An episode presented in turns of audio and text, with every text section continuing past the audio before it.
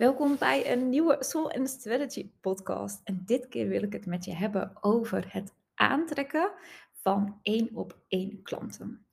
En vooral energetisch. Hoe kun je ruimte creëren en hoe kun je nieuwe één op één klanten aantrekken? En dit kan zowel gaan om één op één coaching sessies of hele trajecten van bijvoorbeeld een half jaar, een jaar, drie maanden, net wat jij aanbiedt. En ik wil je daarbij drie tips delen. Hele concrete podcast dus. De eerste is letterlijk, heb jij goed gevoeld en uitgerekend hoeveel ruimte je hebt voor één op één klanten? Als je wel eens bij een losse soul and strategy uh, sessie bent geweest, zie je vaak dat ik het voorbeeld gebruik tussen de driehoek, waar eigenlijk een spanningsveld in zit, tussen de tijd die je wil besteden aan je bedrijf en in je bedrijf, het aanbod wat je hebt en de omzet of winst die je wilt behalen. Een soort van drie punten in de driehoek. En als jij bijvoorbeeld een bepaald omzetdoel hebt, of je hebt een bepaald uh, tijdsdoel, dat je zegt ik wil niet meer dan drie dagen werken in mijn bedrijf, of ik wil bijvoorbeeld 100k omzet uh, genereren in een jaar, moet je aanbod daarbij passen. Dus je aanbod is in dit geval je één op één sessies, maar het kunnen ook andere dingen zijn die je aanbiedt. En daarmee heb je eigenlijk even een goede mix te bepalen van hey, hoeveel tijd ben ik al kwijt aan mijn andere aanbod of hoeveel tijd wil ik daaraan kwijt zijn. Misschien geef je ook wel retretes of geef je uh, online uh, groepsessies, ik noem maar wat. Hè. Dus kijk welke ruimte die uh, producten in jouw agenda innemen en hoeveel tijd er dan letterlijk nog overblijft op jouw één op één klanten. Want heel vaak is het namelijk zo dat we daar helemaal niet goed over na hebben gedacht. Of je nu vier trajecten van een half jaar uh, in je agenda kan laten landen. Of dat het er misschien wel tien kunnen zijn. Of dat je in je hoofd hebt, oh, ik kan wel tien één op één traject van een half jaar aan. Maar dat ze maar niet komen. En dat je dan afvraagt, waarom niet? En dat is misschien omdat je dus helemaal niet goed hebt berekend of deze tien mensen ook echt in je agenda passen. Dus stel jezelf maar eerst die vraag van, hey, kunnen er tien mensen in bijvoorbeeld mijn uh, zes maanden één op één traject plaatsvinden? Heb ik daar de ruimte voor? Letterlijk in tijd in mijn agenda. En daarbij is nog een tweede natuurlijk, heb je de ruimte energetisch om die tien mensen te dragen?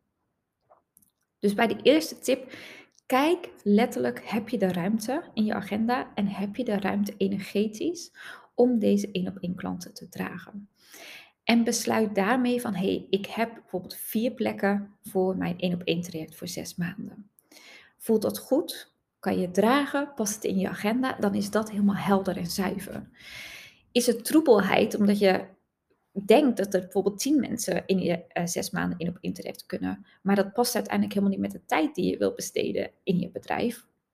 Of je vraagt zo'n lage prijs dat uiteindelijk je omzetdoel daar niet in uitkomt Ga daar dus eerst mee puzzelen zodat die helemaal klopt.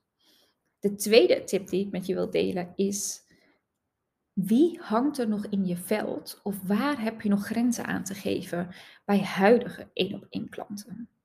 Als je bijvoorbeeld een traject hebt van zes maanden, duurt dat ook eh, echt zes maanden of loopt het stiekem eigenlijk altijd uit naar acht maanden of negen maanden omdat mensen nog sessies over hebben? Kijk dus dat je in de voorkant daar helderder over kunt zijn. Van hey, dit traject is zes maanden, er zitten bijvoorbeeld acht sessies in, uh, of tien sessies, net wat jij aanbiedt. En zet daarin helder in dat het de klant zijn verantwoordelijkheid is dat ze die sessies inboeken in die periode. Ik zou daarbij ook echt letterlijk de datum noemen, bijvoorbeeld van uh, eh, 1 januari tot en met 1 juli kun je je sessies inboeken. Daarna komen je sessies te vervallen. Daarmee creëer je echt helderheid dat jouw traject over de tijdstuur gaat, dus bijvoorbeeld de zes maanden, en niet over het aantal sessies die ze oneindig lang kunnen inplannen. Ik had daar zelf ook een voorbeeld bij, was een heel mooi typerend voorbeeld van dit. Ik had uh, twee mensen in mijn één op één traject die allebei zeiden van, oh, nu ben je naar Middelburg verhuisd en het lijkt me zo leuk om onze laatste sessie bij jou thuis te doen. En ik had aangegeven, ja, superleuk, laten we die inplannen. Laat maar weten wanneer het komt, uitkomt. En beide zeiden ook heel toevallig afzonderlijk van elkaar uiteindelijk van ja, het is best wel ver reizen, ik kijk nog wel even. En ik liet dat gewoon gebeuren. Ik dacht, oh ja, het is de laatste sessie, we kijken wel wanneer dat komt. En inmiddels waren we twee maanden verder en hadden die laatste sessie nog steeds niet geboekt. Terwijl je kan je misschien voorstellen dat deze twee mensen energetisch nog wel in mijn veld hingen. Daarmee bedoel ik zeg dat ik aan ze dacht, dat ik ze wel eens een berichtje stuurde of dat zij mij nog wel eens een vraag stuurde. Uh, dus er was letterlijk geen ruimte voor twee nieuwe mensen. En dit is echt aan jou om dit te bespreken met jouw klant. Dus toen ik me dat realiseerde, heb ik dat ook met allebei besproken van, hey, ik voel um, dat het goed is om ons traject af te ronden. Er zit nu inmiddels twee maanden na onze laatste sessie. Um, lukt het voor jou om eind deze maand uh, ofwel bij mij in Middelburg langs te komen, of dat we toch onze sessie online inboeken? En het interessante is dat uiteindelijk ze allebei besloten om een sessie online in te boeken. Dus we hadden eigenlijk helemaal niet die twee maanden moeten wachten. En ja, het, ik zou bijna willen zeggen, het hilarische van dit voorbeeld is dat er letterlijk, nou, ik denk misschien twee of drie weken nadat ik met hun een laatste sessie had gehad, dat zich alweer twee nieuwe één op één klanten vanzelf aandienen bij mij. Zonder dat ik daar iets hoef te doen, zonder dat ik daar iets voor hoefde te delen, uit te reiken of iets. Zij kwamen gewoon naar mij toe. En zo zie je maar dat het dus in een heel klein iets kan zitten waar je even net wat meer leiderschap hebt te tonen, net wat meer verantwoordelijkheid hebt te tonen en net wat meer grenzen hebt te tonen. dus de tweede tip in deze podcast, check eens wie of wat er nog in jouw veld hangt, waarin je eigenlijk jouw grenzen mag aangeven. Het zou ook kunnen zijn dat als jij sessies van een uur bijvoorbeeld geeft, maar het wordt altijd anderhalf uur, dat is eigenlijk een half uurtje ruimte in jouw agenda. natuurlijk, als het af en toe gebeurt, is dat helemaal goed. Hè? Maar ik zeg altijd, als het een incident is, helemaal goed, wordt het een patroon. Dat je eigenlijk altijd anderhalf uur sessies aan het geven bent in plaats van één uur.